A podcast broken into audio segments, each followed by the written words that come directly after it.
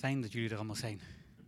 Ja. Heel fijn. We dachten eerst van misschien gaat er niemand komen omdat niemand meer zijn energierekening kan betalen. En dan helemaal geen kaartje voor eh, dit soort vertier. Maar misschien is het wel eerder andersom, dacht ik net. Dat je het inmiddels thuis zo duur is om je gaskachel aan te steken. Dat je dan beter gewoon allemaal hierheen kunt komen. Dat het nog goedkoper is. Eigenlijk echt een goed idee. Ja, we gewoon de hele winter door gaan we allemaal hier elke avond eh, verzamelen. Ehm, ja, dus welkom. Eh, op de eerste maandagavond van eh, dit theaterseizoen.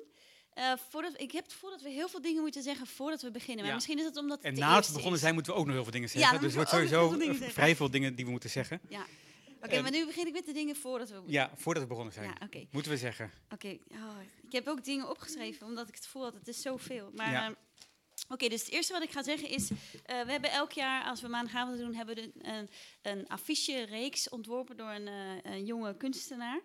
Eh, en het idee is een beetje dat je, als je nu elke maandagavond komt, en niet elke, maar elke eerste maandagavond van de maand, ehm, dan krijg je dus een nieuw affiche. En dan zou je die een beetje zoals, zoals in de supermarkt, dat je zo spaar ze allemaal, zo dat. Ja.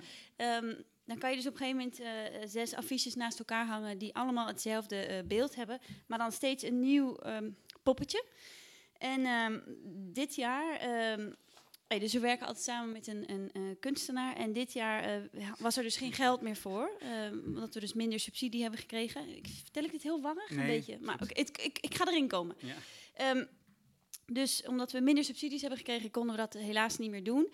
In het café zie je trouwens alle eh, vorige jaren de, de, de kunstenaars die dat ontworpen hebben. Dan zie je wat een prachtige reeks we al hebben. Eh, maar omdat we dus geen subsidie eh, daarvoor meer hebben, hebben we dit jaar samengewerkt met mijn dochter. Die is vier, die hoefden we niet te betalen. En ehm, ja, ze is bijna vier, ze is drieënhalf. En zij heeft eigenlijk inmiddels denk ik dat we er zo'n 80 of zo thuis hebben. Ehm, dit soort poppetjes maakt zij. Wc-rolletjes met oogjes en de rest ehm, is afhankelijk van eh, de stemming. En eh, En Wat- wel leuk is, dat, zeg maar, dat we sinds deze poster op onze Facebook zetten, we heel veel nieuwe likes krijgen van Ja. mensen die dit liken.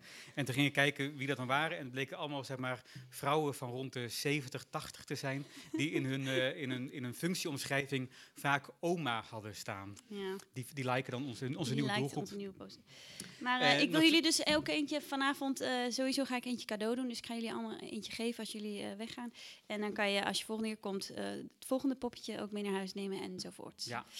Dat wou nog twee dingetjes over geld moeten we hebben. Ja, nog dingen Ehm, over geld. Dus dit het eerst over geld? Ja, nee, dus be- betekent dat we dus minder subsidie gaan krijgen, betekent ook dat dit het laatste jaar is, zeer waarschijnlijk, dat we hier de maandagavonden gaan doen. Ja. Eh, waar de maandagavonden terechtkomen, dat weten we nog niet. Maar dus ik zou vooral zeggen, kom de komende zes maandagavonden, kom we het hier met z'n allen een feestje van maken. Ja. En ik wou ook zeggen dat we sinds kort een vriend hebben. De Ja. nieuwe tijd. Be- bedoel, een, iemand die geld geeft, betaalt. Dat kan dus ook. Je kunt voor 50 euro kun je vriend worden. En het kan eventueel ook, mocht je dat willen, voor 250 euro of voor 500 euro of zelfs voor 1000 euro per jaar kun je vriend worden van de nieuwe tijd. Of, bedoel, er zit geen, geen limiet op Er eigenlijk. zit op een gegeven moment een limiet op, maar, dan, eh, maar in principe mag je gewoon dus eh, eh, vriend worden. Maar jullie zijn eigenlijk al een soort vrienden, en veel leukere vrienden. Nee, even leuk. Trouwens, degene die ons vrienden zijn, we ontzettend blij mee en trots op dat we zo'n vriend hebben. Maar er mogen nog veel meer hebben, we hebben er echt één. We hebben één. Oké. Dus is ook aanwezig. Nou, het zou leuk zijn. Ja. Ah, oké, cool. Ehm, tot slot, voor we beginnen. Wat moeten we nog zeggen voordat Rebecca de Wit. Juist. Oké, dus de maandagavond is met ons drie, eh Freek, ik en Rebecca de Wit. En die gaat dit hele jaar niet meedoen. Eh, dat is omdat ze, ja, nu lijkt het alsof ik een heel positieve, leuke aankondiging zeg, maar ik weet ook niet waarom ik... ik kan- Eindelijk zonder Rebecca de nee, Wit. ik had het anders moeten zeggen. Ze gaat een heel jaar niet meedoen. Ja. Ehm, dat is omdat ze namelijk eh, vier dagen geleden een, een zoontje heeft gekregen. En ja, ze is daarmee bezig. Maar we hebben een hele goede oplossing. We gaan namelijk een heel jaar lang vergezeld worden door Alice Meeuwsen. We hebben geoefend op Meeuwsen, is het? Ja. Joehoe. Woehoe! En daar ben ik dus heel blij over. Vandaar dat ik eh, eh, al... Zij zal na de pauze eh, haar, haar tekst brengen. Ja. Voor de pauze doe jij dat en ik dat. En na de pauze hebben we ook een interview met de stadsdichter S. Ex, Stadsdichter. Ja, ex-stadsdichteres Rut Lasters, die dus opgestapt is. Die hebben we waarschijnlijk allemaal meegekregen, omdat ze haar eh, gedicht geweigerd is geweest door eh, het eh, stadsbestuur. het stadsbestuur. En we gaan met haar praten daarover. en we hebben niemand minder dan... Noah Lee. Eh, dat is eh, de band van eh, rond Nina Kortekaas. En ze komt alleen vanavond solo. Alleen wordt ze dan wel weer vergezeld door de bassist Soet Kempeneer. En misschien ook haar vader. Die gaat ook meedoen, toch of niet? Ja, die, die, die, die springt blijkbaar vaker in bij concerten. Dus Niek Kortekaas gaat waarschijnlijk ook meedoen. Daar zijn we heel erg enthousiast over. We wilden Nina al heel lang uitnodigen. En nu is het eindelijk zover. Ehm, ja, en eh voilà. Dus eh, een maandagavond over Essentie, die nu gaat beginnen. We gaan eraan beginnen. Jij gaat beginnen? Ja. Ehm, ja, ik heb een tekst geschreven. Eh, en, en het is eigenlijk een beetje een, ehm, een beetje een gekke tekst. Wil ik iets over zeggen. Eigenlijk is het niet zo'n gekke tekst. Eigenlijk is het een vrij normale tekst. Een van mijn meer normalere teksten die ik geschreven heb. Alleen ehm, het ding is, dus ehm, dat waarschijnlijk zou het kunnen. Nee, ik ga het anders zeggen. Ik ben aan deze tekst begonnen eh, te schrijven ooit. Toen. Wat? Nee? Ik ben aan deze tekst begonnen te schrijven toen zes weken voordat. Nee, vier weken. Nee, zes weken. Zes weken voordat mijn eh, vrouw, Margot Verhoeven, uitgerekend was van, haar, eh, van ons kind eigenlijk. Van ons kind. En, eh, en acht weken voordat zij, eh, hij geboren werd en zij beviel. Ehm, en, eh, eh, en dat, ik ben aan de tekst begonnen toen, omdat de standaard toen toevallig aan mij vroeg: Goh, wil je niet een eh, column schrijven? Want Rebecca de Wit die heeft er weer geen zin in. Ehm, en zei ik: Ja, dat wil ik graag doen. En toen heb ik een, een column geschreven. En dat vond ik zo leuk om te doen, dat ik eigenlijk gedurende de haar, mijn, nee, onze zwangerschap en gedurende de tijd totdat mijn zoon bevallen. Ik, ik heb dus een klein, klein kind en heel weinig geslapen, merk ik nu. Eh, totdat hij bevallen werd. Eh, ben, ik, eh, ben ik blijven schrijven, korte dingetjes blijven schrijven, korte dingetjes. En, en, en af en toe eh, in, in, dat, in dat grote wachten, in dat grote limbo van het wachten totdat er iets uit mijn vrouw geboren zou worden. Ehm, en, en voor deze maandagavond dacht ik, is het leuk, vond ik het leuk om al die tekstjes nog eens terug te lezen en daar één tekst van te maken. En dat heb ik gedaan. En het ding is daarmee, merkte ik toen ik het gedaan had, dat er best wel wat zinnen in zaten die ik misschien wel eens al een keer eerder heb gezegd op een maandagavond. Eh, blijkbaar schrijf ik zo, eh, eh, ben ik zo, we- werk ik zo, dat ik eh, niet alleen altijd dezelfde boeken opnieuw en opnieuw en opnieuw lees, maar ook altijd steeds weer dezelfde dingen schrijf en schrijf en schrijf. En ik wou dus vragen of jullie daar dan niet heel boos over willen zijn, als jullie dingen herkennen die ik al een keer eerder heb gezegd, maar het eerder zien als een soort, ja, soort variatie op iets, op ja, een soort toegevoegde waarde. Dat je het nog een keer hoort, maar dan anders. Het begint dus met die column, die jullie misschien wel gelezen hebben of niet. En die jullie woordelijk kunnen gaan meeskanderen als je me kent. Mijn zoon is ook aanwezig in deze zaal. Die, eh, ja, en, en die slaapt nu hier tussen ons. Leuk. Het bijzondere aan stukken, voor mij als amateur dan toch, is dat je eigenlijk de hele tijd denkt, dit gaat fout. Waarom doe ik dit toch? Ah, ik kan dit helemaal niet. Totdat je in de allerlaatste fase het gips op je muur nog één keer nat maakt. De finishing trowel noemt mijn Britse leraar op YouTube dat. En simpelweg afstrijkt tot één glad geheel. Ik kan me voorstellen dat als je eenmaal een professionele pleisteraar bent, je al die fases kalm en sereen kunt ondergaan. Maar als zaterdagochtendklusser is het bezetten van muren een ware emotionele achtbaan. Sterker nog, ik weet niet of ik me eerder ooit zo trots voelde als toen ik vorige week zaterdag de pleisterlaag vol krasjes, streepjes en putjes langzaam onder mijn handen zag veranderen in een spiegelgladde muur. Ik heb eerder gemerkt bij, eh, dat die trots bij stukklusjes moeilijk overdraagbaar is.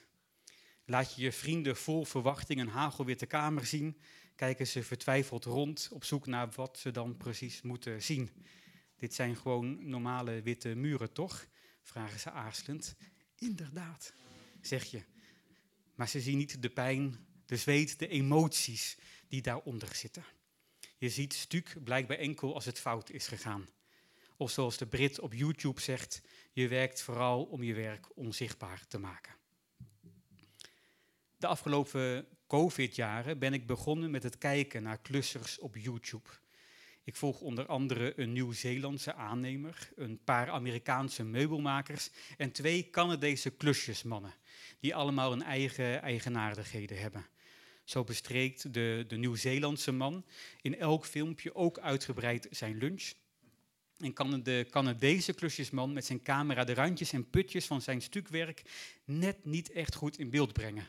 Wat hij ook elk filmpje opnieuw uitvoerig uitlegt. Enig nadeel van deze gratis opleiding is misschien dat alles in het Engels gaat. Wat me heeft opgezadeld met een vrij onhandig klusvocabulaire. Tevergeefs zoek ik in de doe-het-zelfzaak naar lightweight all-purpose mut.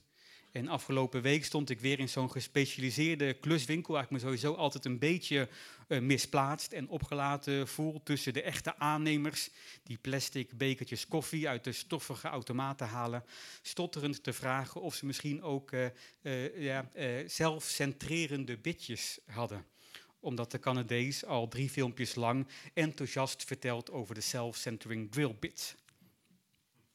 Hij wist niet waar ik het over had. Dat ik mijn dagen vul met klussen, komt vooral omdat ik momenteel in een merkwaardige limbo zit. De, de leegte doet me enigszins denken aan de eerste lockdown, maar de reden is dit keer geheel anders. Over een maand verwacht ik mijn eerste kind. Hij zit nu nog veilig opgeborgen in mijn vrouw, maar over een maand ademt hij hier onze gemeenschappelijke lucht in. En hoe dichterbij die datum komt, hoe groter de onbestemdheid van het wachten wordt. Het enige wat op dit moment echt zeker lijkt, is dat mijn leven er binnenkort radicaal anders uit gaat zien. Maar hoe precies, ik heb geen idee. En hoeveel mensen ook zeggen dat ik nog echt even moet gaan genieten van het uitslapen en van het ongestoord Netflix kijken, het lukt me maar moeilijk om daar meer of minder van te genieten dan dat ik normaal gesproken doe. Matig tot slecht, dankjewel. Dus klus ik maar en kijk ik filmpjes over klussen in de hoop dat straks, net op tijd, als de baby geboren wordt, het stof van de laatste verbouwing is gaan liggen. Soms als ik met zakken puin naar buiten loop en met zakken gips weer naar binnen, denk ik dat verbouwen niet meer is dan dat. Het verplaatsen van stof.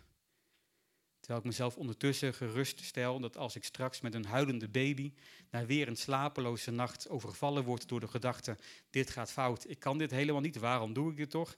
Er ook in het grootbrengen van kinderen er wellicht iets zal bestaan als een finishing trowel.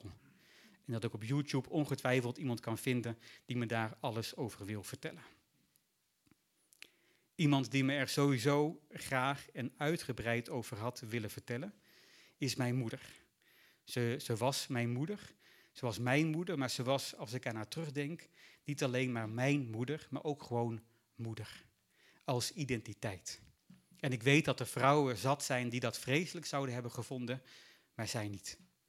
Vier en een half jaar geleden is hij gestorven en sinds ik sinds 1 december weet dat ik vader ga worden, ben ik ongelooflijk blij. Maar als er soms een zwart randje rond die vreugde zit, is dat een randje in de vorm van het ontbreken van mijn moeder. En dus ook van het ontbreken van haar als oma voor mijn zoon. Heel haar leven knutselde ze en bakte ze graag met kinderen. Ze, ze droomde van een kinderfeestjesbedrijf en verzamelde alleen al om die reden ontelbaar veel dopjes en pakjes, papiertjes, houtjes, schroefjes, bakjes, schaartjes, vliebeltjes en flapjes. Omdat ze bij bijna alles dacht, oh dat is leuk om nog een hele dag mee te knutselen of te bakken of te spelen of te maken. U kunt zich het huis misschien voorstellen waarin ik ben opgegroeid. Het is twee weken later en gelukt. Het klussen is, zoals ik mijn vrouw meermaals heb moeten beloven, ruim op tijd klaar. En aangezien we na twee avonden jatseeën eigenlijk niet zo goed meer weten wat we nog moeten doen in die lege dagen voor de baby besluit zijn veilig nest te verlaten, besluiten we mijn vader op te zoeken. Ondanks alle verhalen over eerstelingen die voor de uitgerekende datum zijn geboren. Ons laatste reisje samen noemen we het. Al voelt het, de drie uur rijden naar het hoge noorden, eigenlijk al, als, al alsof we met z'n drieën zijn.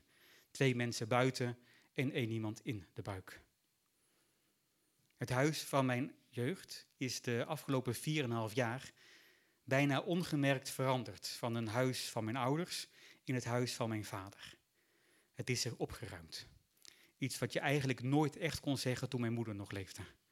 De vloeren zijn leeg, net als het aanrecht, de vensterbanken en de tafel. Aan de oppervlakte lijkt mijn moeder daar bijna verdwenen te zijn. Zelfs het schoolbord in de gang, waar nog vier jaar lang een boodschappenlijstje in haar handschrift stond, is nu schoongepoetst. Maar als je iets dieper graaft, laadjes opentrekt of een van de dozen op zolder opent, stroomt het over met kleine handgeschreven briefjes en pasjes en plannen van haar. Achter de kleren in de kledingkast van mijn vader, waar ook nog wat kleren van mijn moeder hangen, zien we dozen vol met foto's, die al meer dan twintig jaar liggen te wachten om ingeplakt te worden, of op zijn minst bekeken. Foto's van mezelf als achtjarige, waarop ik staar in een kampvuur, of waarop ik met mijn broer buiten aan het spelen ben, een lange tafel vol verjaardagsgezelligheid. Ik ben zes geworden en mijn moeder heeft een schatkist taart gebakken vol chocolademunten en snoepkettingen. Ik merk dat zowel Margot, mijn vrouw, als ik lang naar die foto's kijken. Zij met haar hand op haar buik, alsof die foto's ons misschien iets kunnen vertellen over wat ons allemaal nog te wachten gaat staan. Alsof het geen blik op het verleden is, maar juist een vlacht van onze toekomst kan laten zien. Onderaan in de tweede doos ben ik plots nog maar een baby. We graven steeds dieper terug in de tijd. Ik zie mezelf aan de borst, naakt in een badje, slapend in een wieg, en dan ben ik er zelfs niet meer. Ik ben verdwenen. Een heerlijk gevoel. Er is enkel nog mijn moeder. Hoogzwanger, in onderbroek en t-shirt, terwijl ze de kinderkamer aan het behangen is en bijna ondeugend, verwachtingsvol de camera inkijkt.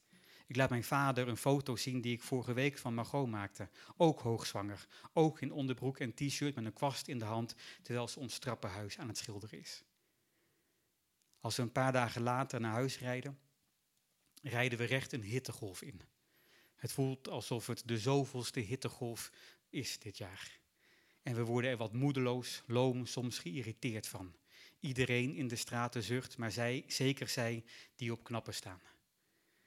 Margot rust nu veel, doet veel dutjes. De gordijnen houden we de hele dag dicht om de hitte buiten te houden. In onze straat is een stuk asfalt gesmolten en de ANWB raadt aan om niet op pad te gaan als het niet nodig is. Het doet allemaal vrij pre-apocalyptisch aan. Alsof het, het grote stroomuitval, de grote schaarste, de grote hongerte allemaal nog moet gaan komen. Op tv proberen boeren het land stil te leggen en hoor ik in talkshows mensen zeggen dat ze toch ook nog wel gewoon mogen genieten van een lekkere warme zomer. Of mag dat soms ook al niet meer? En andere mensen die zich daar dan weer boos over maken. Margot wilde niks van weten en zet de televisie uit als ze de kamer binnenkomt. Boven is het nu echt te heet. Dus besluit ik om ook maar beneden te gaan slapen. Margot is dat al een paar dagen eerder gaan doen, omdat het bed boven plots te hard was geworden voor haar steeds zwaarder wordend lijf. S'avonds pak ik een eenpersoonsmatras van achter de bank en ga naast haar liggen op de grond. Sinds de bank beneden ook een bed is geworden, moet ik steeds vaker denken aan de laatste dagen voor mijn moeder stierf. Alsof het verdwijnen en verschijnen van leven op de een of andere manier op dezelfde manier gebeurt. En de eerste en laatste ademteug beide getuigen zijn van hetzelfde wonder dat we heel even mogen leven. En door zo dicht op het ontstaan daarvan te zitten, ben ik weer terug in de tijd dat ik het voor mijn eigen ogen zag eindigen. Alleen al het feit dat er weer een bed in de woonkamer staat, waar rond het leven zich afspeelt in steeds kleiner wordende cirkels. Alleen al het feit dat de dagen in het teken staan van wachten. Dat het nog twee weken kan duren, of langer of korter. En hoe uitgestrekt die tijd voelt in dat moment, en hoe eindeloos kort het bleek toen ik later terugkeek. Waarom bleef ik niet naast haar zitten? Die specifieke limbo van die dagen, het vele slapen van de vrouw op het bed in de woonkamer. De steeds veranderende fysieke ongemakken, het dagelijks bespreken van de stoelgang, de eetbehoeftes, het energiepeil, maar ook het bezoek dat langskomt met lieve kaartjes, hoe vol het huis dan steeds lijkt voor een paar uur, hoe fijn dat is en hoe prettig het is als iedereen weer vertrokken is. Halverwege de nacht ga ik toch naar boven. De ventilator in de woonkamer maakte voor mij te veel lawaai om te kunnen slapen, maar toen ik hem uitzette, werd ze wakker. Boven in het harde lege bed moet ik denken aan een verhaal wat ik jaren terug van Willem Wilmink hoorde in een documentaire op de VPRO. Hij zei daarin dat het een oud scheppingsverhaal van de Zulus zou zijn. Maar eerlijk gezegd kan ik me ook voorstellen dat het gewoon uit de duim van Willem Wilmink komt. En dat hij het tot scheppingsverhaal van de Zulus had gepromoveerd om het net dat beetje meer gewicht te geven. Het verhaal gaat zo. God komt in het begin van de dagen naar Afrika en vraagt een steen, een schildpad en een mens bij zich. Hij zegt tegen hen drieën, jullie moeten kiezen. Of ik geef jullie het vermogen om te scheppen, om kinderen te krijgen, maar dan moet ik ervoor zorgen dat jullie tijd op aarde eindig wordt, anders komen er te veel.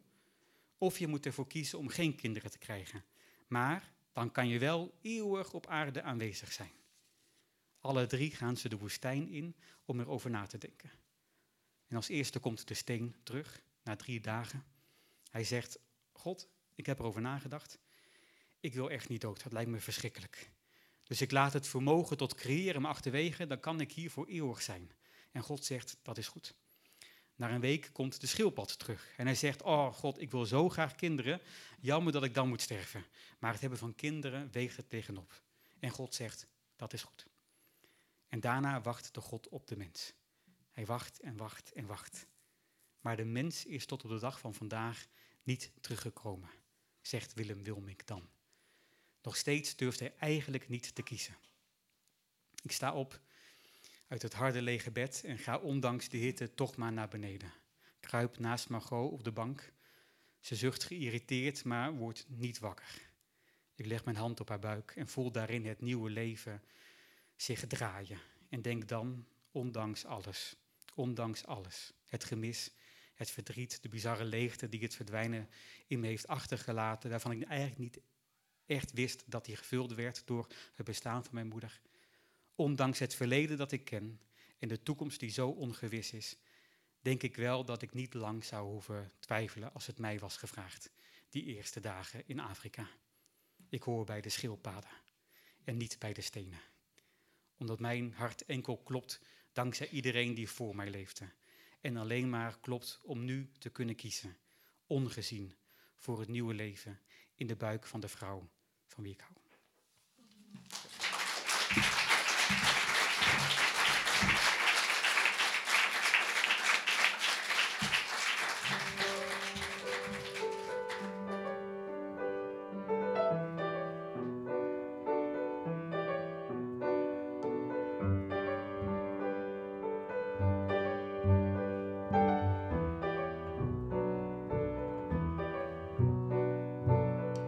slowly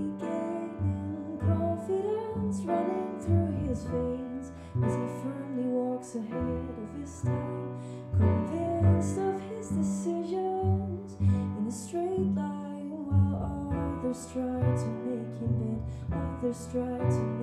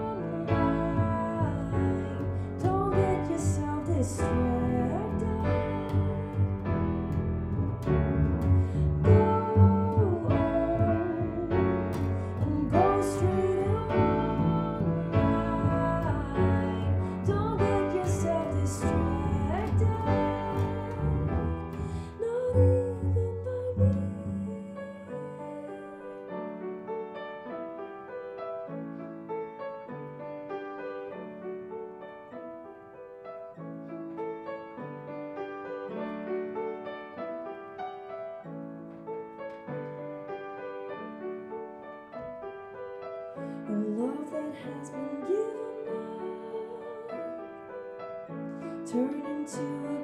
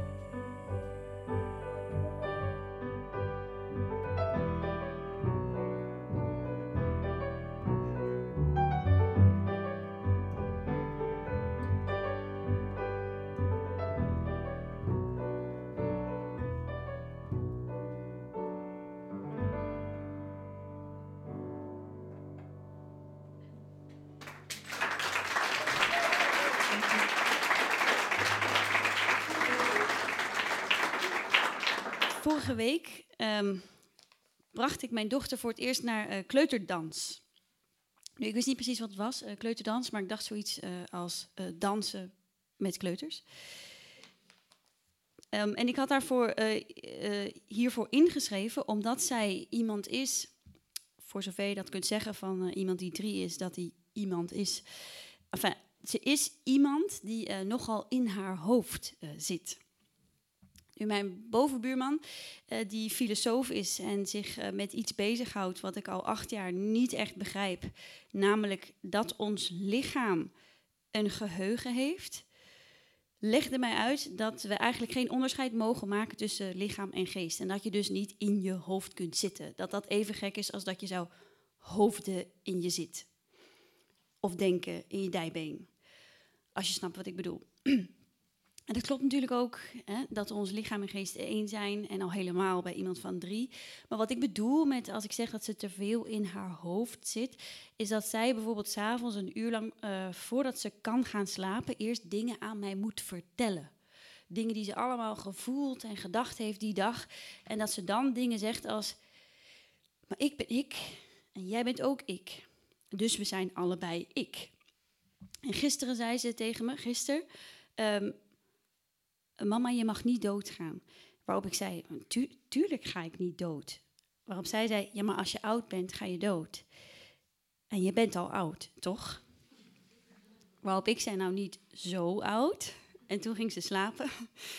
Om dan een half uur later nog een keer te roepen om te vragen, en papa, is papa oud?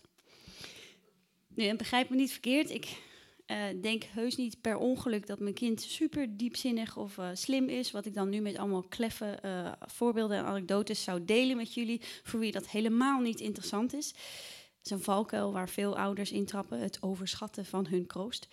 Nee, ik maak me geen illusies. De juf zei laatst nog tegen mij dat ze nog steeds niet kan tellen tot tien. ze slaat namelijk de vijf altijd over en gooit daarna alles door elkaar. En een puzzel van boven de 35 stukjes gooit ze weg. Als in, in de prullenbak. Uh, omdat die te moeilijk is.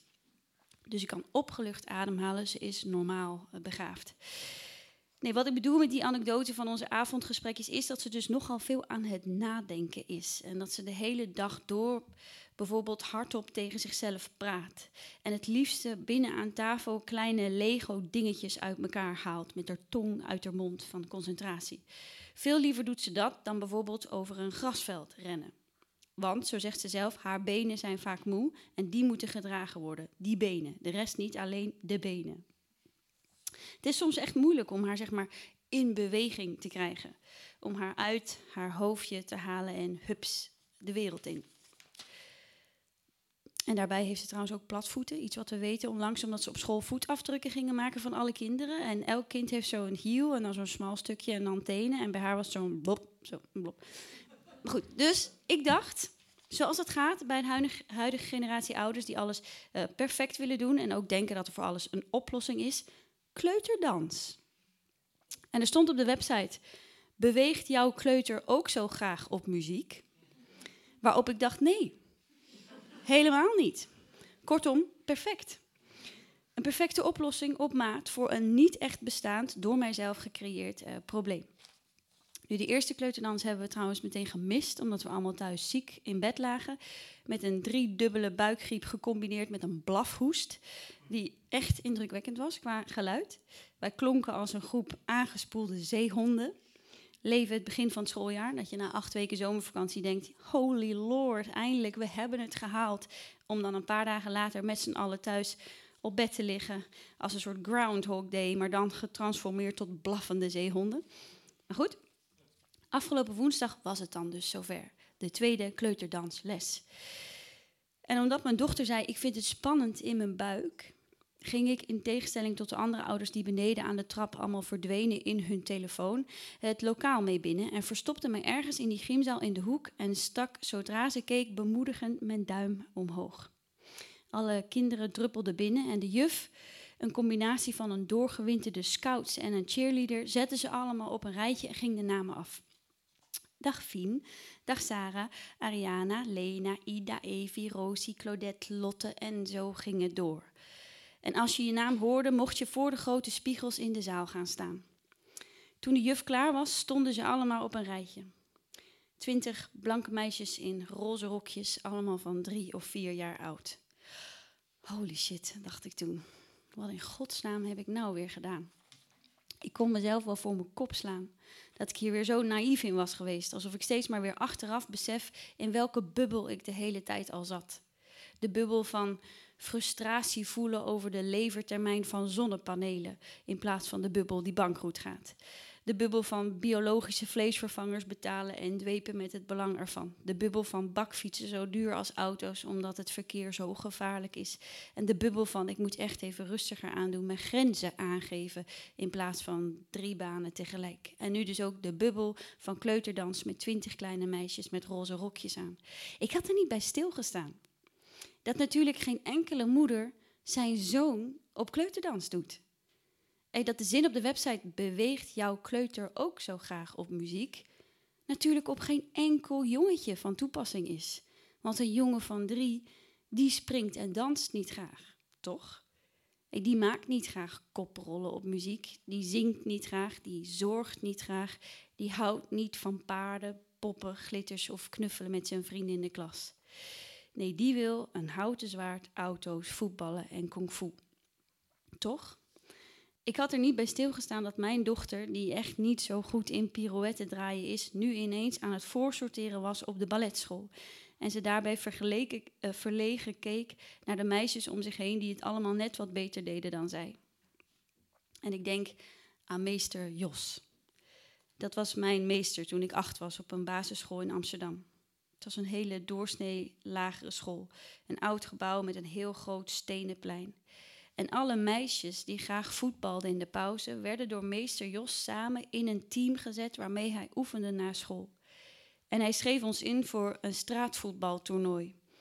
En omdat wij steeds maar wedstrijden wonnen, speelden we ineens een bekerfinale midden op de Dam in centrum Amsterdam. Er kwam een journalist en een fotograaf en de volgende dag stonden wij met een foto in de krant. Allemaal meisjes met natte haren van de regen en blauw-witte trainingspakjes aan niemand in het roze.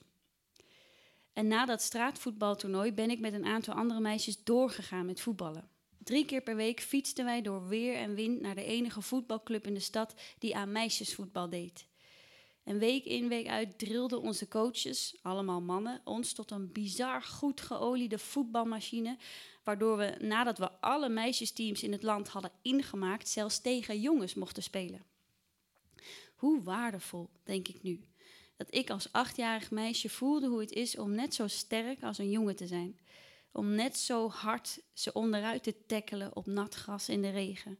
En net zoveel plezier te hebben in een sport die kort daarvoor nog niet eens van mij was geweest.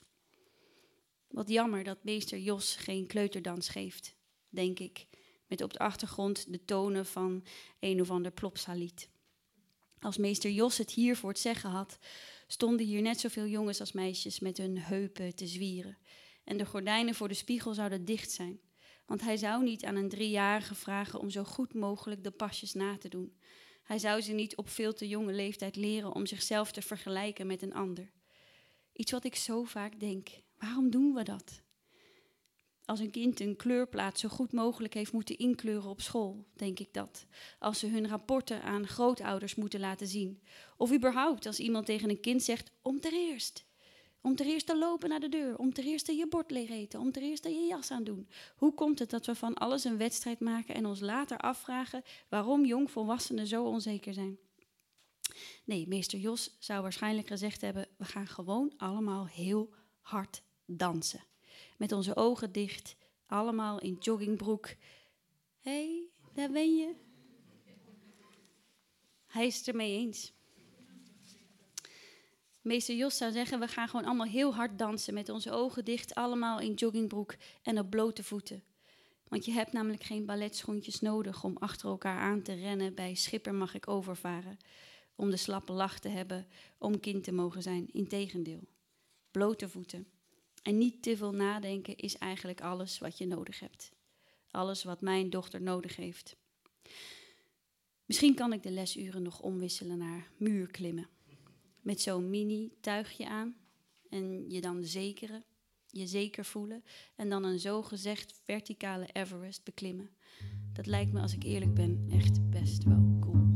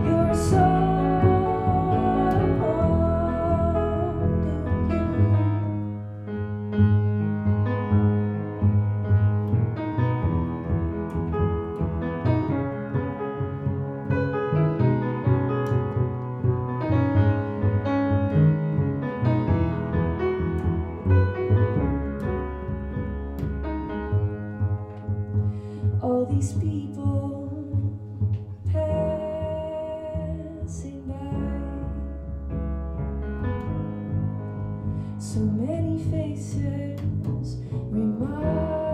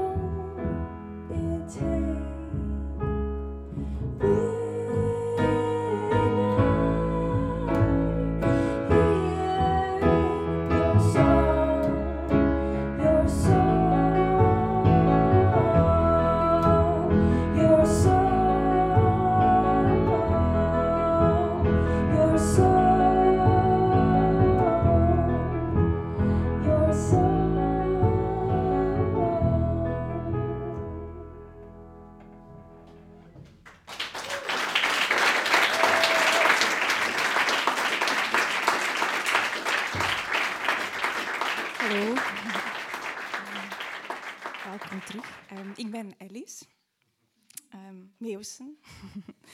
um, en ik moet misschien heel kort iets zeggen. Het is mijn eerste maandagavond en um, we gingen het over essentie hebben. En ik sprak daarover met Freek en Suzanne. En toen zei ik, ah ja, het is eigenlijk best veel dat ik wil zeggen. En toen zei Freek en Suzanne, dat is niet erg. Doe anders gewoon twee teksten. Doe dan een anekdote en dan iets essentieels. En dan dacht ik, oké, dat is goed. Dan ben ik begonnen met die anekdote en die is dan zo lang geworden. Ja, dat ik dan dacht, oké, ik ga het gewoon hierbij houden. En dit is dan een heel erg lange, essentiële anekdote. Het is de laatste avond van de zomervakantie. En ik zit met mijn vader en jongste broer op het terras van een shawarmazaak in Mortsel. Ik ben als eerste gearriveerd, wat eerder een zeldzaamheid is. In een uh, stiptheidsrangschikking van mij, mijn vader en mijn broertje beland ik niet op de eerste plaats. En ik had dus eerst met licht ongeloof het terras afgespeurd naar hen. En daarbij gezien dat er aan de deur van de shawarmazaak een papier hing met bankcontact defect. Wat ik meld aan mijn vader uh, wanneer die als tweede arriveert. Ik zeg dat ik niet zoveel cash bij heb. En mijn vader die lacht een beetje en zegt dat hij eigenlijk niet denkt dat die bankcontact echt stuk is. Ik denk even na, begrijp wat hij bedoelt en zeg dat het natuurlijk wel gewoon kan dat die bankcontact echt stuk is. Mijn jongste broer die had gevraagd of we naar die shawarmazaak konden gaan op de laatste dag van de zomer, omdat hij een beetje afleiding nodig had. Een paar weken eerder uh, was namelijk bij mijn broer ontdekt dat hij een zeldzame afwijking aan zijn ogen heeft, een defect aan zijn lens, die steeds meer ging uitpuilen, waardoor de wereld rondom vervormd en minder en minder scherp werd, tot die uiteindelijk zou verdwijnen. En om dat tegen te gaan, had hij een paar dagen voor die laatste zomeravond een operatie gehad aan het slechtste oog door een gespecialiseerde oogarts die het uitpuilen moest stabiliseren. En daarna was er een verbandlens op zijn oog gezet, echt, een verbandlens. En zolang die er zat, mocht hij niet douchen, uh, niet in zijn ogen wrijven en niet naar artificieel licht kijken. En na een paar dagen was hij zo triest en verveeld dat hij had voorgesteld om naar die shawarmazaak te gaan, omdat hij een beetje afleiding nodig had.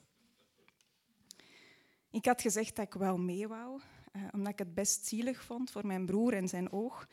Uh, en dus wel de afleiding wou zijn. En mijn vader had ook gezegd dat hij wel mee wou, maar alleen als we niet te laat gingen. Want hij moest de volgende dag weer naar school. Mijn vader is leerkracht wiskunde uh, in het middelbaar onderwijs. Wat wellicht voor een deel ook de nuchterheid verklaart waarmee hij had gezegd dat hij niet dacht dat die bankcontact echt stuk was. Hij is dat niet altijd geweest, uh, leerkracht wiskunde. Mijn vader die werkte tot zijn 52ste voor Electrabel als IT-programmeur. Een job waarbij ik mij als kind helemaal niks kon voorstellen. Uh, en nu nog steeds niet eigenlijk, maar dat is niet erg, want hij doet het ook niet meer. En op zijn 52ste uh, fuseerde Electrabel met uh, GDF Suez tot Engie.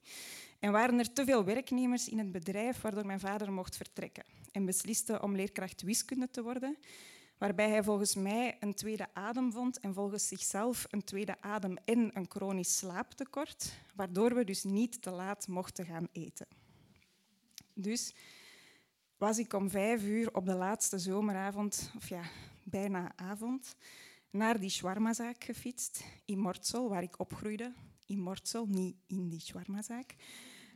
Om niet te laat te gaan dineren. Uh, over het fietspad waarop ik als kind naar de lagere school fietste. En waar vanaf morgen weer kinderen zouden fietsen met grote boekentassen richting mijn oude school. Waarvan ik mijn hele lagere schooltijd had gedacht dat ik er mijn hele leven zou zijn. Want ik wou niks anders worden dan juf op mijn eigen school. Want dat was het enige beroep waarbij ik mij echt iets kon voorstellen, omdat ik het de hele dag voor mij zag. En het leek me nog wel leuk om te doen. Mijn broer arriveert aan de shawarmazaak als laatste. Uh, aan zijn oog is niks te zien van de microscopische ingreep. Hij zegt dat hij minder ziet dan ervoor, want de lens is nog aan het herstellen en die verbandslens zit er dus nog op. En terwijl we wachten op het eten, en nadat ik naar de staat van zijn van mijn broer heb geïnformeerd, zeg ik dat ik net op die laatste zomerdag de nieuwe aanrekening van mijn energiefactuur heb gekregen, sinds mijn contract automatisch van vast naar variabel ging. En dat die factuur dus verdrievoudigd was. Uh, en dat ik een groot deel van die laatste zomerdag had zitten uitzoeken hoe dat nu precies kwam. Ik zeg dat ik het eigenlijk nog steeds niet zo goed snap. Dat ik lang naar die factuur heb zitten kijken en mijn vader zegt, ja, ik kan het u wel uitleggen. Waarna hij iets uitlegt over hoe elke producent binnen de vrije markt mag verkopen aan de marginale prijs en dat wie het goedkoopste produceert dus het meeste verdient. En dat bijvoorbeeld een bedrijf als Engie, dat op dit moment ook gewoon, uh, op dit moment ook gewoon echt heel rijk wordt, omdat hun manier van produceren niet zo heel veel duurder is geworden en hun verkoopprijs dus wel. Ik kan me dat nog steeds heel moeilijk voorstellen en zeg dat het vooral toch vreemd is dat mijn vader nu aan mij probeert uit te leggen hoe het komt dat die factuur zo hoog is. Dat het toch vreemd is dat iets wat zo essentieel is, zo niet transparant mag zijn. Zodat maar heel weinig mensen er iets van snappen. Dat het vreemd is dat die energiemaatschappijen niet zeggen we snappen dat het vervelend is, dus we gaan het net zo vaak uitleggen tot jullie het allemaal begrijpen. Want misschien maakt dat het net iets minder vervelend. En ik stel mij voor wat voor essentiële dingen we zouden kunnen doen met de miljoenen die Engie op dit moment verdient. De wellicht verschillende lege brooddozen in de, brooddozen in de grote boekentassen van die naar school fietsende kinderen vullen, bijvoorbeeld. Uit gezinnen bij wie maal drie niet gewoon vervelend of een beetje boosmakend is, maar gewoon echt te veel. Waarbij dat gewoon niet gaat zodat de enige resterende oplossing, oplossing is een papier met bankcontact defect aan de deur van je shawarmazaak hangen, bijvoorbeeld. Want ik kan mij wel voorstellen dat een shawarmazaak uitbaten tijdens een energiecrisis echt een hele dure operatie is. Na dat hele gesprek ga ik naar het toilet. En als ik terugloop door de glazen deur naar het terras, zie ik dat het bankcontact defectpapier aan die deur geplastificeerd is. Wat natuurlijk een extra argument is voor het vermoeden van mijn vader. Maar ik besluit dat hij ook niet alles hoeft te weten. We vertrekken. Ik excuseer mij bij mijn broer voor mijn weinig opgewekte stemming. Hij zegt dat hij het alleszins wel afleidend heeft gevonden. En ik fiets terug opnieuw langs mijn oude school, waar ik dus geen juf geworden ben. Na de lagere school ging ik naar de middelbare school en heel mijn middelbare schooltijd lang wou ik niks anders worden dan leerkracht op die middelbare school. Ik wou altijd precies worden wat ik voor mij zag, wat ik mij kon voorstellen. En toen studeerde ik af op die middelbare school en wist ik het eigenlijk totaal niet. En misschien had iemand toen tegen mij moeten zeggen, wacht maar tot je het weet. Je bent tenslotte nog maar 18. Of ik had dat vooral heel hard tegen mezelf moeten zeggen, maar dat gebeurde niet. En toen ben ik in een vlaag van verstandsverbijstering geneeskunde gaan studeren. En ik zou daar heel veel over kunnen vertellen, veel te veel voor deze al erg lange anekdote. Dus ik maak hier even een uh, shortcut. Na vier jaar geneeskunde, na het behalen van mijn bachelordiploma en dan dus ook nog mijn eerste masterjaar, ben ik gestopt. En als ik dat nu vertel, vragen mensen vaak eerst, en hoe lang moest jij dan nog? Wat ik altijd een wat rare vraag vind. Want ja, drie jaar nog, maar daarna natuurlijk ook nog mijn hele leven. En daarna meestal, en waarom dan? En dan kijken ze mij aan alsof ik daar in één zin een pasklaar antwoord op moet geven. Maar dat is er gewoon niet. Ehm, ik heb dat echt al heel vaak aan anderen en aan mezelf proberen uitleggen en ik kom er nog altijd niet uit. Ik denk dat wat het dichtste in de buurt komt is dat hoe langer ik geneeskunde studeerde en hoe meer ik voor mij begon te zien wat ik dan precies zou worden, hoe meer ik voelde dat ik dat niet kon, mijn hele leven lang. Dus ik stopte en ik ging naar de toneelschool in Leuven. En na mijn afstuderen aan de toneelschool ben ik voor een stukje docent geworden op die school. En zo ben ik dus alsnog gebleven op de laatste school waar ik les heb gevolgd. En toen ik mijn moeder vertelde dat ik les mocht gaan geven aan de hogeschool in Leuven, zei die: oh, dan ga je eindelijk ook wat geld verdienen. Waar ik van schrok, vooral omdat dat wou zeggen dat ze al die jaren daarvoor bij heel veel dingen had gedacht, en verdien jij daar dan ook iets mee? Sinds ik lesgeef op de toneelschool in Leuven, kijk ik ook elk jaar mee naar de toelatingsproeven. En een paar dagen voor die laatste zomeravond was er op de laatste toelatingsproef voor dit academiejaar een meisje dat hele mooie dingen schreef, werd toegelaten en toen zei, ah, wel vervelend, ik ben ook geslaagd voor de toelatingsproef geneeskunde. En mijn ouders zouden graag hebben dat ik dat ga doen en zeggen dat ik dan daarna nog altijd naar de toneelschool kan. En ik snap dat, of ja, ik snap niet dat mensen denken dat je na zes jaar, zeven jaar geneeskunde nog iets anders gaat doen. Maar ik denk dat net daarop wordt geanticipeerd met dat voorstel.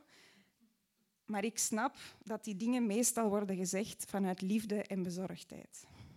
En toch blijf ik het vreemd vinden dat er nooit eens iemand zegt: doe die kunstopleiding maar. En als dat niet lukt of niet je ding is, dan kan je daarna nog altijd geneeskunde gaan studeren. Ik praatte toen kort met haar, met dat meisje. Probeerde in een paar um, pasklare zinnen iets te weerleggen, uit te leggen hoe het voor mij was gelopen. Maar dat gaat natuurlijk niet, want het zijn haar ouders en het is haar beslissing. En daarna vertrok ze. Ik bleef achter met het gevoel dat ik het alweer niet goed had kunnen uitleggen. Net zoals wanneer mensen op het gestopt zijn vroegen en waarom dan? Had ik nu in één zin het belang willen vatten, maar die ene zin kan ik niet vinden, omdat ik denk dat het antwoord geen zin is. En net dat is heel moeilijk uit te leggen.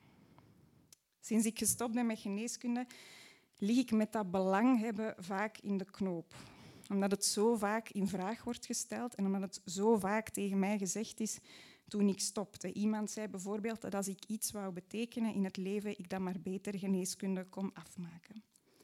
Maar zelfs als het niet zo letterlijk gezegd was, is het de hele tijd voelbaar. Is er een soort weegschaal voor essentie die ervoor zorgt dat mensen zeggen: ga maar eerst geneeskunde doen, die kunstopleiding kan daarna nog. Of die ervoor zorgt dat als je op een feestje vertelt dat je oogarts bent, een hypergespecialiseerde oogarts die uitgepuilde lenzen herstelt, wat voor heel weinig mensen heel veel betekent, mensen zeggen, wauw, wat goed dat jij dat kan.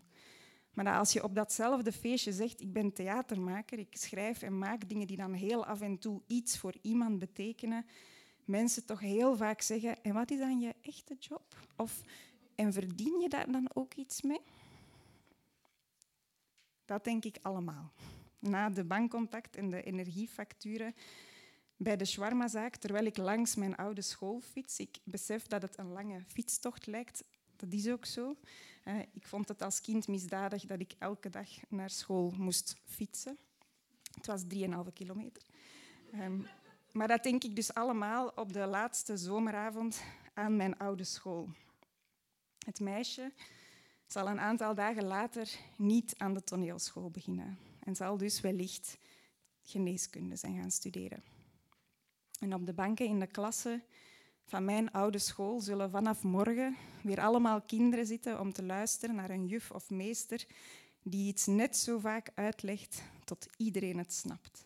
En om op vragen te antwoorden als wat wil jij later worden? Met bakker of brandweer of diepzeeduiker of juf of meester, waarop die juf of meester dan zal zeggen, dat kan ik mij heel goed voorstellen. En een enkeling misschien iets anders, waarbij de juf zegt, daar kan ik mij niets bij voorstellen, maar leg het mij maar uit, dan begrijp ik het misschien. Zoals programmeur in een energiebedrijf dat op je 52ste beslist dat je niet meer essentieel bent. Of arts gespecialiseerd in uitpuilende ooglenzen, niet onmisbaar voor de wereld, maar heel essentieel voor mijn broer. Of theatermaker, maar ik doe eerst even een omweggetje langs geneeskunde. Of hersteller van bankcontacttoestellen, die gewoon al heel erg lang defect zijn.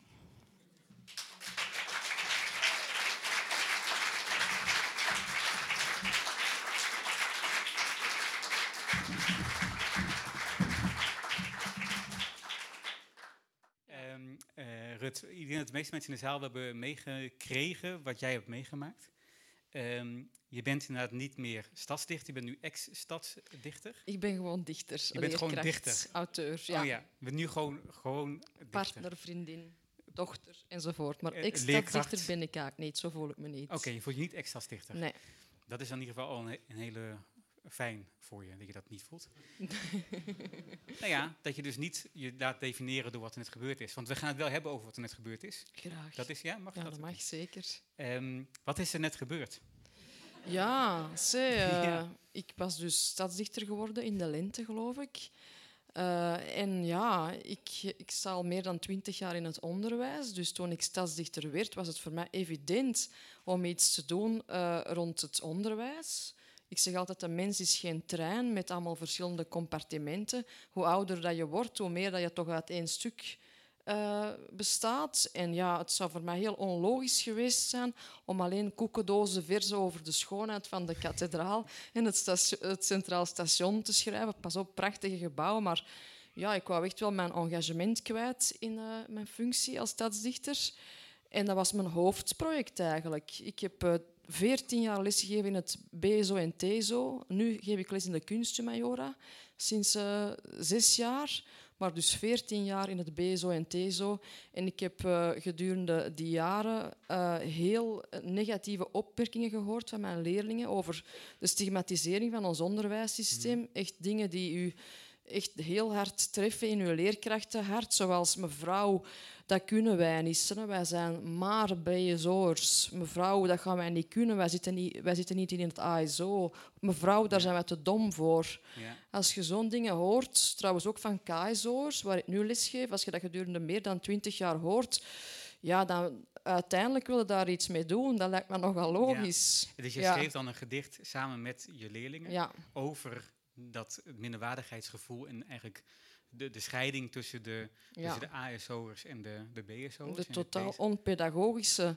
Uh, stel je voor dat ik hier in de zaal, dus uh, zou, de zaal zou indelen in een A-groep en in een B-groep. Ja. Hoe zou dat overkomen op het publiek? Allee, en maar dat is wel wat uh, het beleid al jaren en dag doet met jongeren van 12 jaar. Ze komen toe op de middelbare school en ze worden ingedeeld in een A-stroom en in een B-stroom. Je kan niet zeggen dat dat neutrale letters zijn. Zo gezegd is dat de A is de afkorting van algemeen onderwijs uiteraard en B van beroepsonderwijs. Maar je kan niet zeggen dat A en B neutrale letters zijn. Denk maar aan de supermarkten waar dat de A de A-merken en de B-merken, die A-team. A is altijd het succeslabel wat eigenlijk suggereert dat B de mindere categorie is. Dus dat is gruwelijk onpedagogisch, zoiets. En je schrijft dan dat gedicht en, en je stuurt het op naar de, naar de, naar de, naar, Wat doe je dan eigenlijk? Stuur je het op? Of, of, uh, ik, heb het al, dus ik heb het al in mei geschreven met de leerlingen. Ja. Um, en ik heb het op mijn Facebook al gepubliceerd in mei. Ja. En uh, dus dat was besproken met de coördinator van de stad.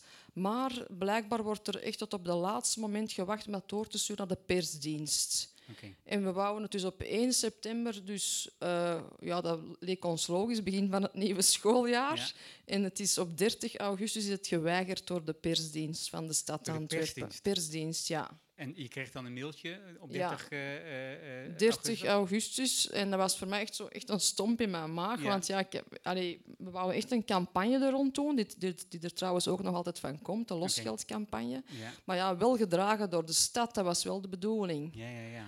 En is er daarvoor nooit tegen je gezegd van, hé, hey, wat bedoel je er eigenlijk mee? Of wat kan je... Nee, eigenlijk niet. Nee. Dus ik, vond het, ik wist wel dat het een frank gedicht was. Eh, ik zeg altijd, als je een eh, scherpe boodschap wilt brengen, als je een vliegertje wilt, een vliegtuigje wilt gooien dat de hele klas doorgaat, ja, dan moet je daar een heel scherp puntje aan vouwen, anders stort dat neer. Maar wat ik zo gek vond, eh, persoonlijk aan het gedicht, Ja. dat het helemaal niet zo een polariserend gedicht is, toch? Het is eigenlijk een heel verbindend gedicht, want het is tegen de discriminatie. Maar Ja. natuurlijk, het woord Vlaanderen komt erin voor in een, in een ehm, niet zo flatterende context. En ik denk dat het dat de reden is waarom het geweigerd is, als ik eerlijk ben. ja? Uiteraard. Het woord Vlaams mag je niet gebruiken. Het, het, het heilige woord Vlaanderen in, in een negatieve context plaatsen is eh, door sommige... Ja, ik, ik ga mijn zin niet af, afmaken, want ik wou weer niet over politiek praten vanavond. Nou, Maar dat is volgens mij de echte reden waarom het geweigerd is. Want, want, zeg maar, want op zich het probleem van dat je, dat je, dat je met verschillende eh, onderwijsstromingen. Ja, dat is, een, dat is een internationaal probleem. Hè? Dat is, dat Absoluut. Probleem. Absoluut. En trouwens, de A- en de B-benaming dat is maar een symptoom van het hele systeem, waarin er veel te weinig respect is voor eh, praktisch geschoolde mensen. Ja, want Eh, ik weet in Nederland heb je ook zijn hoger ja. opgeleide en lager Oh, opgeleide. dat is nog, nog, nog gruwelijker. Dat is nog ja, ja, letterlijk lager Ja. opgeleide. En er wordt dan nu ook gezegd, ja. dat moeten we inderdaad gaan, anders gaan noemen. Absoluut. En respect geschoolde. voor de praktisch geschoolde mens. En, en, hè, dus het, het gedicht Losgeld en ook de Losgeldcampagne die binnenkort wordt gelanceerd. Jullie, jullie, jullie handtekening, want er komt een petitie, is eh, meer dan welkom. Die wil dus het woord intelligent vrijkopen bij de beleidsmakers, omdat dat woord wordt al eeuwenlang gegijzeld door de, de zogezegde eh, cognitieve elite. Hè. Want denk maar bijvoorbeeld aan de slimste mens ter wereld. Het woord slim wordt in onze media altijd gebruikt voor de cognitie. Ja. Hè? Een, eh, een quizzer is slim, een advocaat is slim. Maar een, een, eh, een handig iemand, dat is een handige Harry. Ja, ja, ja. Terwijl dat, dus kijk je naar de, de, de bekabeling van deze zaal, alleen al het sanitair. Als dat geen vernuft is, als dat geen intelligentie is, dan weet ik het ook niet. Ja, ja, ja. Ja. En dan eh, dus eh, 30 augustus krijg je die dolkstoot. Wat gebeurt er daarna? Ja, dan, dan, eh, dat was al redelijk laat op de dag. Ik moest toen voor de eerste keer naar school, want we hadden toen een vergadering. En ik was toen heel gelukkig, want ik had een hele goede lesrooster. Ik had mijn collega's teruggezien. Eh, en ik had ook een goed contact gehad met mijn uitgever. Ehm, en ja, ik was zo'n beetje echt heel happy. En ik dacht ook, ik ga vanavond eens een film zien, wat voor mij heel uitzonderlijk is, want ik ben echt een, echt een workaholic. Ja. En dan eh, de- deed ik dus even met een e-mailbox open en dan zag ik dat. En dan, ja, dat was dan die stomp in mijn maag. Dan heb ik eerst alles technisch in orde gebracht, want ik wou dat dan die losgeldcampagne een beetje redden. Dan heb ik dat op mijn website en zo gezet, wat voor mij heel moeilijk is, want ik ben technisch dus helemaal niet, niet slim. Dat heeft mij uren werk gekost. En dan de volgende dag ben ik er pas over beginnen nadenken. En dan dacht ik van, ja... Als, ga ik nu echt eh, die koekendozen verzen schrijven over de kathedraal alleen al? Of, of ga ik hier opkomen voor mijn leerlingen? En ga, ik, ik wilde eigenlijk dat hun stem doorklonk in het onderwijsdebat. Ja.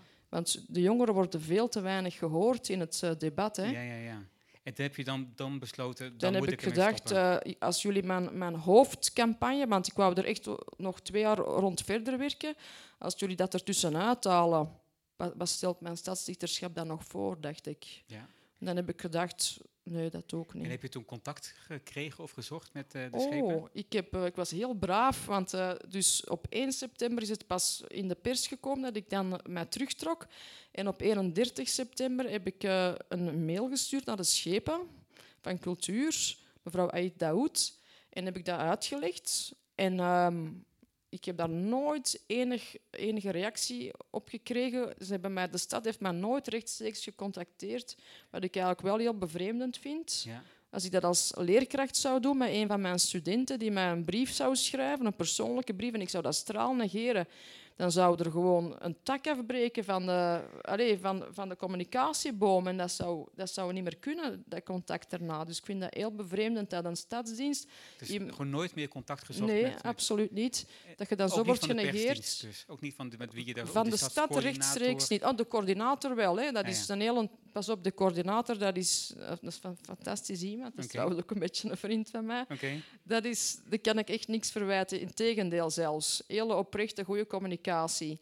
Maar eh, de stad zelf, dus het stadsbestuur, ik vind dat eigenlijk geen eh, volwassen houding. Ik vind dat nogal een bange... Allee, ga toch eens de, com- de communicatie aan. Zelfs, dat, zelfs na de weigering hadden we toch eens, eens kunnen discussiëren daarover, want dat is ook cultuur. Hè, van het schepen van cultuur. Cultuur is ook durven frictie aangaan met elkaar en schuren. Allee, dat vind ik dan spijt dat dat niet kon. Ja, dat is dan, en, en, en je kreeg wel meteen de halve pers op je dak. De, de reactie was wel fel. Ja. Ehm, ja, daar heb ik allemaal niet zo allee, over nagedacht natuurlijk. Ik wou de- een duidelijk signaal geven. En dan, ja, wat er daarna is gebeurd, de, het, eh, de boodschap van de leerlingen is nu wel verspreid. En daarom, daar ben ik wel heel blij om. Ja, eigenlijk misschien wel meer dan met het gedicht. Dus als zeg maar de, de, de, bedoeling was van de schepen om het niet Waarsch- te verspreiden, waarschijnlijk, is ja. het een slechte ja. strategie van haar. eh. Ja, ik, of dat het nu strategie achter zat, dat weet ik niet. Ik denk dat dat uiteindelijk ook een, ehm, een ambtenaar is. Hè, want dat is natuurlijk niet de schepen zelf die dat heeft geweigerd. Hè. Zo is dat niet. Hè. Eh, dat komt nu allemaal op haar terecht, wat ik ook een beetje onfair vind eigenlijk. Hè. Want je zou dan ook kunnen zeggen, de schepen van onderwijs, waar is die in het debat? Is het fair dat, dat alle narigheid op de schepen van cultuur terechtkomt? Ik vind dat helemaal niet fair. Ik vind dat eigenlijk ook zij, zij voor een stuk de dupe daarvan is. Maar is het de schepen van, van onderwijs, als ik haar ooit tegenkom, dan zal ik haar toch wel de vraag stellen hoe dat het komt dat ze haar electoraat in die mate alleen in de steek heeft En gelaten, haar doelgroep. controversieel standpunt dat je uitdraagt? Controversieel helemaal niet. Ik zeg iets dat heel evident is. Ik zeg iets dat denk dat iedereen wel weet. Dat er, je moet maar eens horen hoe diep de stigmatisering in onze taal zit. Dat, dat je mensen hoort praten. Mijn eigen vriendin, eh, Ilse Schepens, een heel toffe, waar, die, waar ik samen mee eh, op school heb gezeten. Allee, ik zat in Tataneem. We zaten samen op internaat. Ik zeg het verkeerd, we zaten niet samen op school op internaat. Ik zat op Tataneem en zij, zat, zij deed de kappersopleiding. En dat was heel artificieel, want we zaten s'avonds samen, waren we eigenlijk bloedverwanten. Allee, bloedzusters, Ja. hoe zeg je dat? Soulmates. En dan overdag werden we gescheiden, want we zaten op een andere campus. En ik heb Ilse in de zomer nog tegen mij horen zeggen, maar Ruud, ik heb ik maar een diploma van kapsters. Hè? Ik zeg, ja, maar Ilse, wat zeg jij nu? Allee, jij, jij kunt je eigen zaak beginnen. Ik kan zelfs mijn froe nog niet bijknippen. Zie maar hier Ja. zitten. Plazaar, pro. Ja. En, en, en wat je zegt, je was dus al mee bezig met je, met je campagne. Eh, bedoel, kan je iets vertellen over waar die campagne nu naartoe gaat? Ja, dus de losgeldcampagne. Dus, ehm, eh, er is een invulversie van het gedicht Losgeld. Maar we verzamelen ook alle mogelijke getuigenissen van mensen die dus ook vinden dat, eh, dat het systeem van ons onderwijs stigmatiserend is en dat er, of dat er veel meer respect moet komen voor de vakman. We verzamelen alle mogelijke getuigenissen op losgeld.spectrumschool.be. En ook een petitie komt er. En we gaan dus al dat materiaal, die teksten en die handtekeningen, die komen in losgeldkoffertjes te, te, te zitten. Die losgeldkoffertjes worden gemaakt door onze, de vakmannen van de Spectrumschool en van de Kunstenmajora, Dus de hele school staat erachter? Ja, Jullie- De, de Spectrumschool en, de- en mijn school ook, de Kunstenmajora van Ja. Antwerpen ook. En dan gaan we dus eh, in januari, de week van Gedichtendag, gaan we dus die koffertjes overhandigen aan de minister van Onderwijs, de minister van Media en de minister van Welzijn. Omdat het gaat absoluut niet alleen over onderwijs, het gaat over de hele maatschappij Ja. met een, een duidelijke lijst van eisen. Bijvoorbeeld, een van de eisen voor de minister van Media zal zijn... eh, zorg er alsjeblieft voor dat het woord intelligent dat dat op televisie wordt gekoppeld ook aan handvaardigheid en aan praktische geschooldheid. Koppelt dat niet alleen aan het cogni- cognitieve, zoals de slimste mens. Bijvoorbeeld, ik vind, als ik naar de slimste mens kijk, want ik vind dat best wel een leuk programma, Waar zijn de proeven in de handvaardigheid? Als je toch iemand slimste men- mens wilt noemen, laat die mensen eens een, een, een, een, hand, een, ehm, een, een ampoule van een lamp bijvoorbeeld monteren. Hè? ja. maar dat is toch waar? Ja, Of een tegel, of, een, of het betegelen van een muur. U, u spreekt er straks zelf over het stukken van een muur. Ja. Allee, Sowieso heb ik nooit, als ik kijk naar de slimste mensen van de wereld, dat ik denk, ah, hier zitten de slimste mensen nee, van de wereld. natuurlijk niet. Maar het gaat om het, om het begrip slim. Ja, ja, ja. ja. Dat is, want want dat, is, dat is wat de BSO-leerlingen ook zeggen. En dat Ja. snijdt door merg en been. Mevrouw, wij zijn daar te dom voor. Terwijl die, die mensen die maken hier alles wat we om ons heen zien. ja, ja, ja. Dus daar moeten we vanaf. Het woord slim is niet alleen van de, voor de cognitie. Dat is flauwekul. En, en, en ik neem aan dat je er hier lang over nagedacht hebt, maar is het niet zeg maar, dat een naslim nog een ander woord moet zijn? Zeg maar? Ik bedoel dat je gewoon dat het Of ja, of niet? Nee? Dat je, ik, ik, ik zit te denken, slim associeer ik inderdaad met zeg maar, het, het, het hoofd. Er zijn heel veel Slim? types van intelligentie en dat woord Ja, ja, slim moet, moet veel dat breder ja. worden gebruikt. Ja. En dat zou al een heel groot deel van het stigma kunnen oplossen. Want ik ook bijvoorbeeld, het, het- verdriet zit ook niet alleen bij de leerlingen, maar ook bij de ouders. Ik heb getuigenissen Ja, ja, ja. gekregen dat, dat wilde niet weten, schrijnende dingen. Bijvoorbeeld de mama die, die mailde mij, die zei ja, ik heb twee A-kinderen, tussen quotes, hè, en ik heb één B-kin- B-kind, tussen quotes.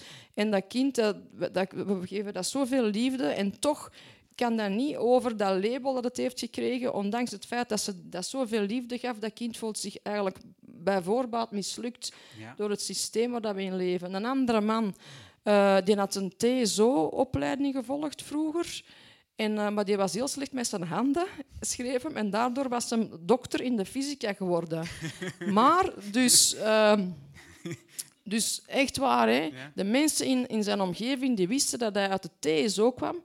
Die wil, sommige mensen wilden niet geloven dat hij dokter in de fysica was geworden. En die waren dat dan gaan opzoeken Nou ja. omdat ze, dat is allee, zo verschrikkelijk.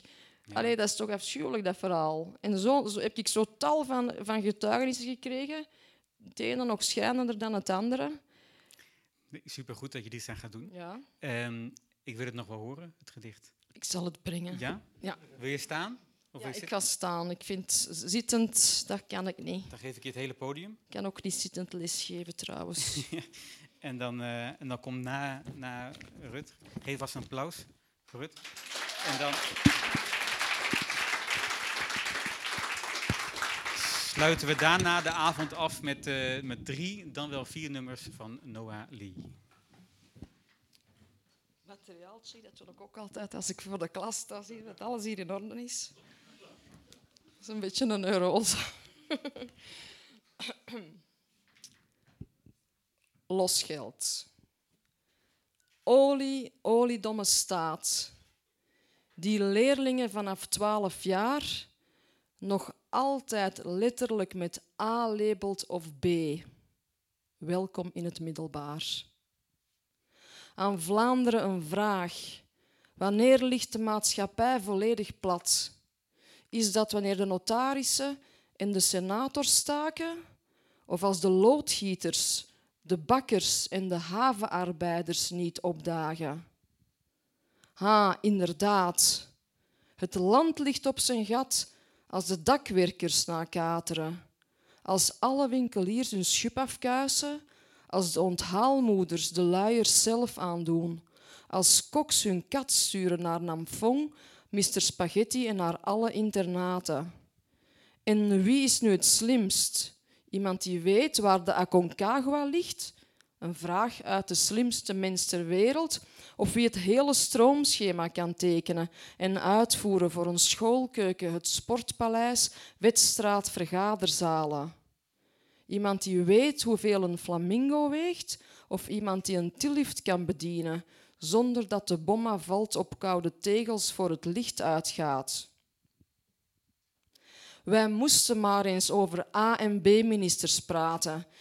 Dan zouden ze misschien verstaan hoe het aanvoelt.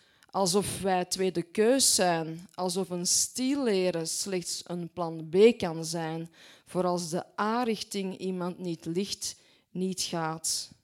Straks vraagt gij Vlaanderen nog losgeld voor het woord intelligent, dat gij al eeuwenlang gegijzeld houdt, alleen voor quizers reserveert, voor dokters, architecten, wetenschappers, voor mevrouw Michiels en advocaten. Terwijl wij trappenmakers de hellingsgraad berekenen, de ideale afstand tussen treden, Kunt jij dat, Vlaanderen? En weet jij alles zoals wij mechaniciens over de juiste spanningskracht op de bouten van de nokkenas of hoe de distributieriem vervangen dient voor een perfecte cliptiming? Zolang jij Vlaanderen niet ook de vakman slim noemt in kranten, spelprogramma's en journaals, zijt gij de aas in uw naam Vlaanderen niet waard. Dit gedicht, daar had ik mee moeten beginnen, maar dat is van vermoedheid dat ik dat ben vergeten te zeggen. Dit gedicht kwam in stand in samenwerking met Kelvin Kamau, Miguel Angel, Charlotte Siebaars, Amber Serissen, Niano van Mechelen en Ine Michiels van de Spectrumschool van Deurne. Dank u wel.